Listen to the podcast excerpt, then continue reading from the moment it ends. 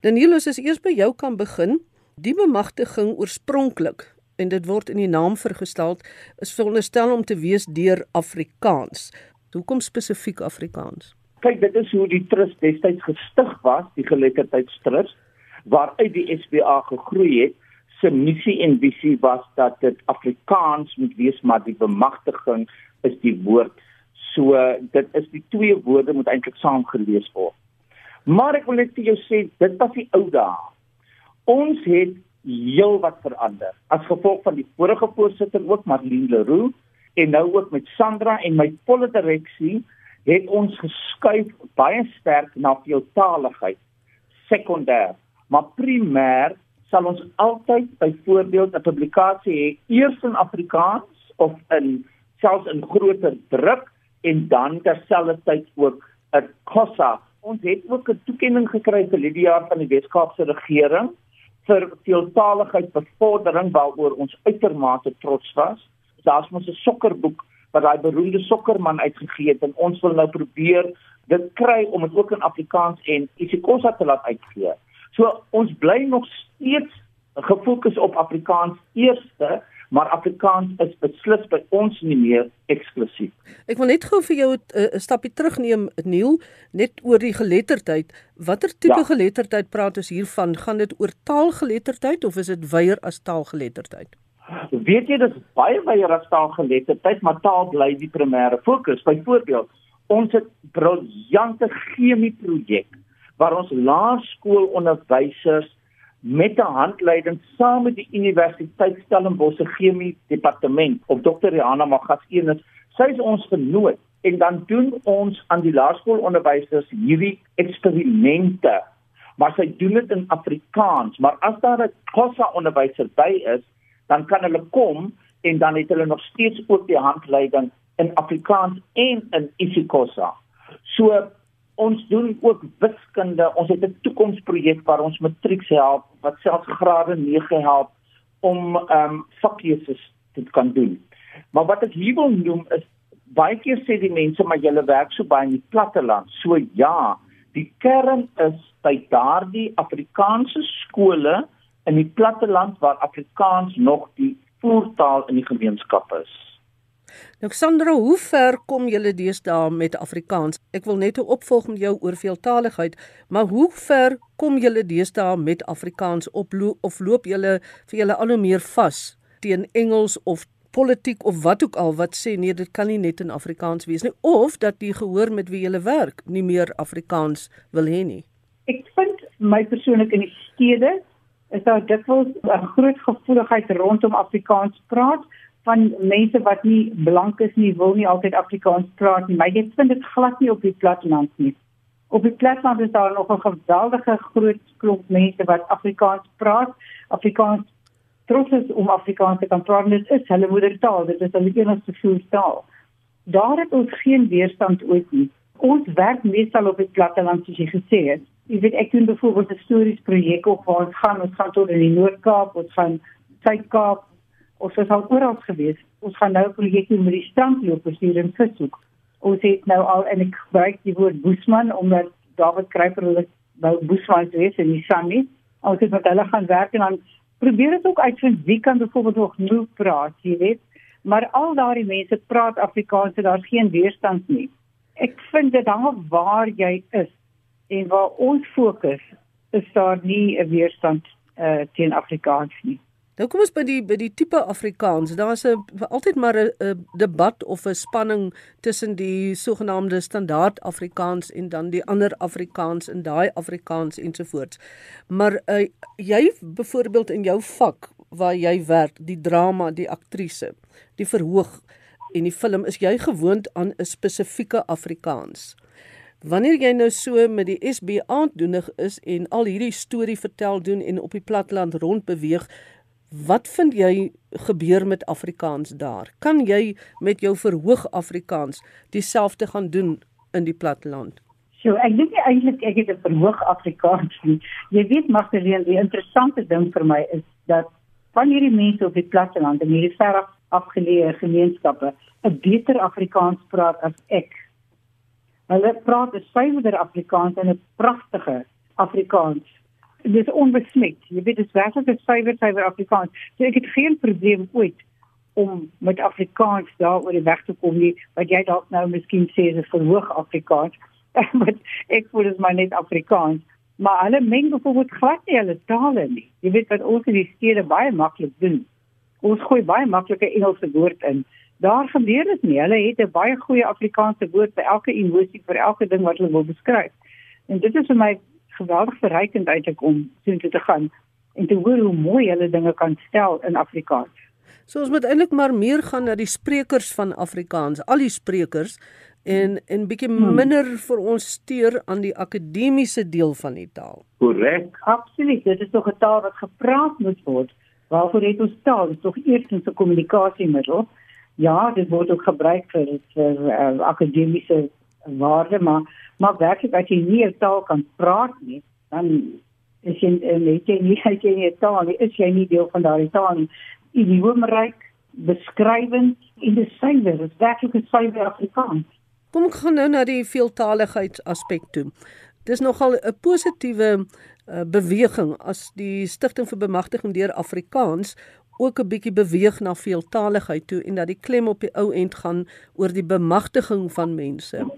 Het julle 'n spesifieke strategie en tydlyn waar volgens julle wil meertalig raak in die geletterdheid projekte wat julle doen, Sandra? Ons het nie eintlik 'n werklike tydlyn nie, maar ek dink ons maak dit baie duidelik dat selfs in die titel want ek het altyd 'n probleem gehad met die vreeslike lang titel wat ons het maar ons het besluit om te bly by die titel so 2 jaar gelede omdat dit belangrik om te besef dit is bemagtiging deur nie bemagtiging in Afrikaans nie hmm. nie Afri uh, nie bemagtiging vir Afrikaans of met Afrikaans nie maar deur Afrikaans so al is Afrikaans dan die primêre voertaal wat ons gebruik Dit maak ons dit baie duidelik dat ons oop is vir ander tale. En dit is vir die kinders baie lekker want hulle sien die tale langs mekaar. Ons het tot ehm um, Kiswahili ook gedoen. So ons ons reik reg ver uit. Al is dit nog steeds die bemagtiging deur Afrikaans. En toe gee die National Arts Council vir ons geld hmm. om die kinderboekie uh, wat genoem word die kokerboom, dit te omskep ook in Kiswahili toe sê ons en dis byvoorbeeld waar Afrikaans inkom. Ons sal dit met graagte doen en ons omarm dit, maar Afrikaans is by. Toe het ons ook 'n direksielid gehad wat gesê het, ja, maar dan moet die isiKosa ook bykom want ons kom uit die Weskaap uit. So ons het hierdie fantastiese publikasie gemaak in Kiswahili met die geld van die National Arts Council. En dit was vir my 'n pragtige voorbeeld dat as hulle op daardie vlak aan 'n Afrikaanse organisasie soos ons 'n borgskap gee, dan het ons ver gevorder. En my uitgangspunt is dat die ander as dit Afrikaans ook in die boekie is saam met die Kiswahili sê nou maar of die Xhosa, dan word daar tog respek gekweek vir Afrikaans. Want hulle is so trots op daai boekie. Ek het dit al gesien as ek dit aan die leerders oorhandig van van wat nie Afrikaans is nie en de, ek ek dink ons ons kweek eintlik meer respek as taalopleiding met hierdie publikasies van ons. Ons praat ook nie Afrikaans bo nie. Ons praat Afrikaans gelyk met die ander tale.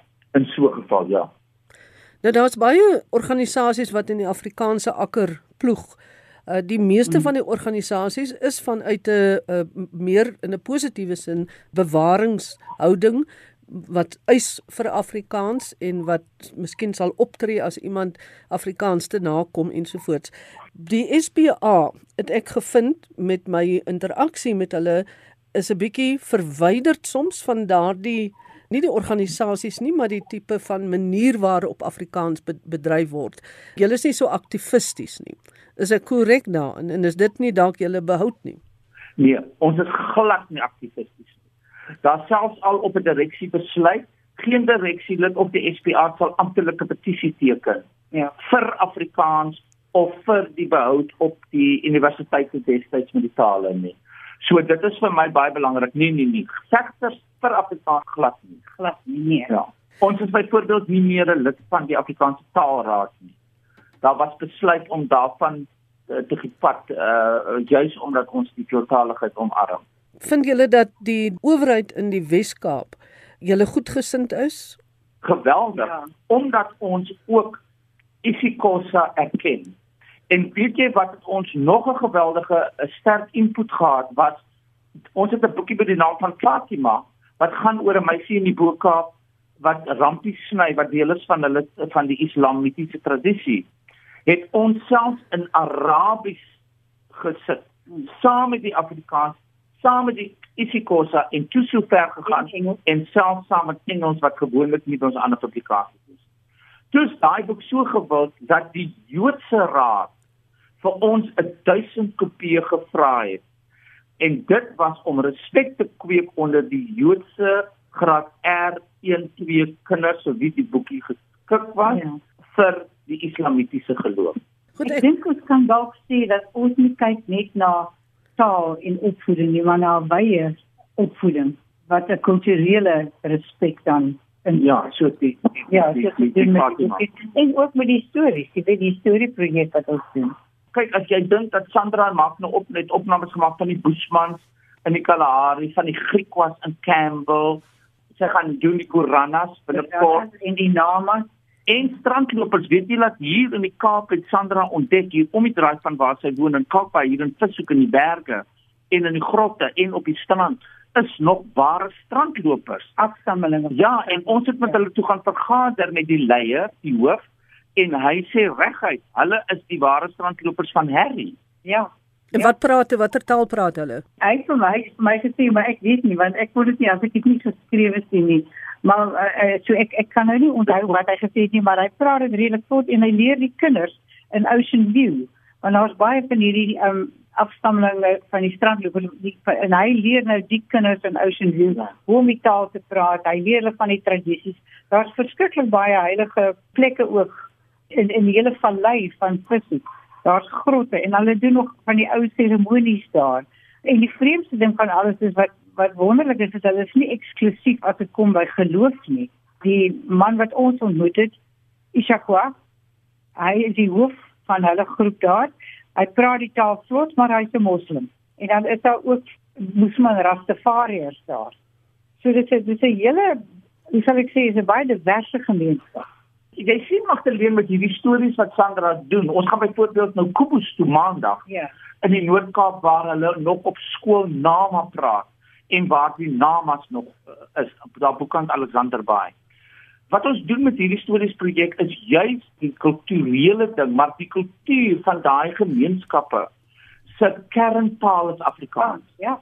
Nou kom ons en ons sê goed, ons wil julle stories hê. Ons wil hê dat daai stories gedokumenteer moet word Dan sal van die vertellers wat Sandra opgeneem het by Nakotsend en ander plekke wat al oorlede is byvoorbeeld. Ja. So ons gaan na die die die ver afgeleë plekke waar spesifieke gemeenskappe is waar Afrikaans die enigste basiese dit is eintlik basies die enigste taal. Dit is hulle taal, maar dit is vir ons ook belangrik dat die stories oorgedra word van die ouer mense na die jong mense want dit gebeur nie meer dat mense sit om 'n vuur of om 'n kaggel of om 'n tafel en histories vertel van hulle herkoms nie. So dis dit is 'n kulturele verband ook nie net 'n taalverband nie. Ek het 'n artikel gelees wat 'n joernalis van die BBC geskryf het. Hy het nou 'n Engelse artikel waar hy gepraat het oor die voortbestaan van Afrikaans en waar hy nou hmm. baie vanuit 'n politieke oogpunt ook maar gesê het dat met al hoe meer wetgewing wat uh, teen Afrikaans is of gelyke Afrikaans en Engels is die gebruik van Afrikaans in Suid-Afrika in gevaar.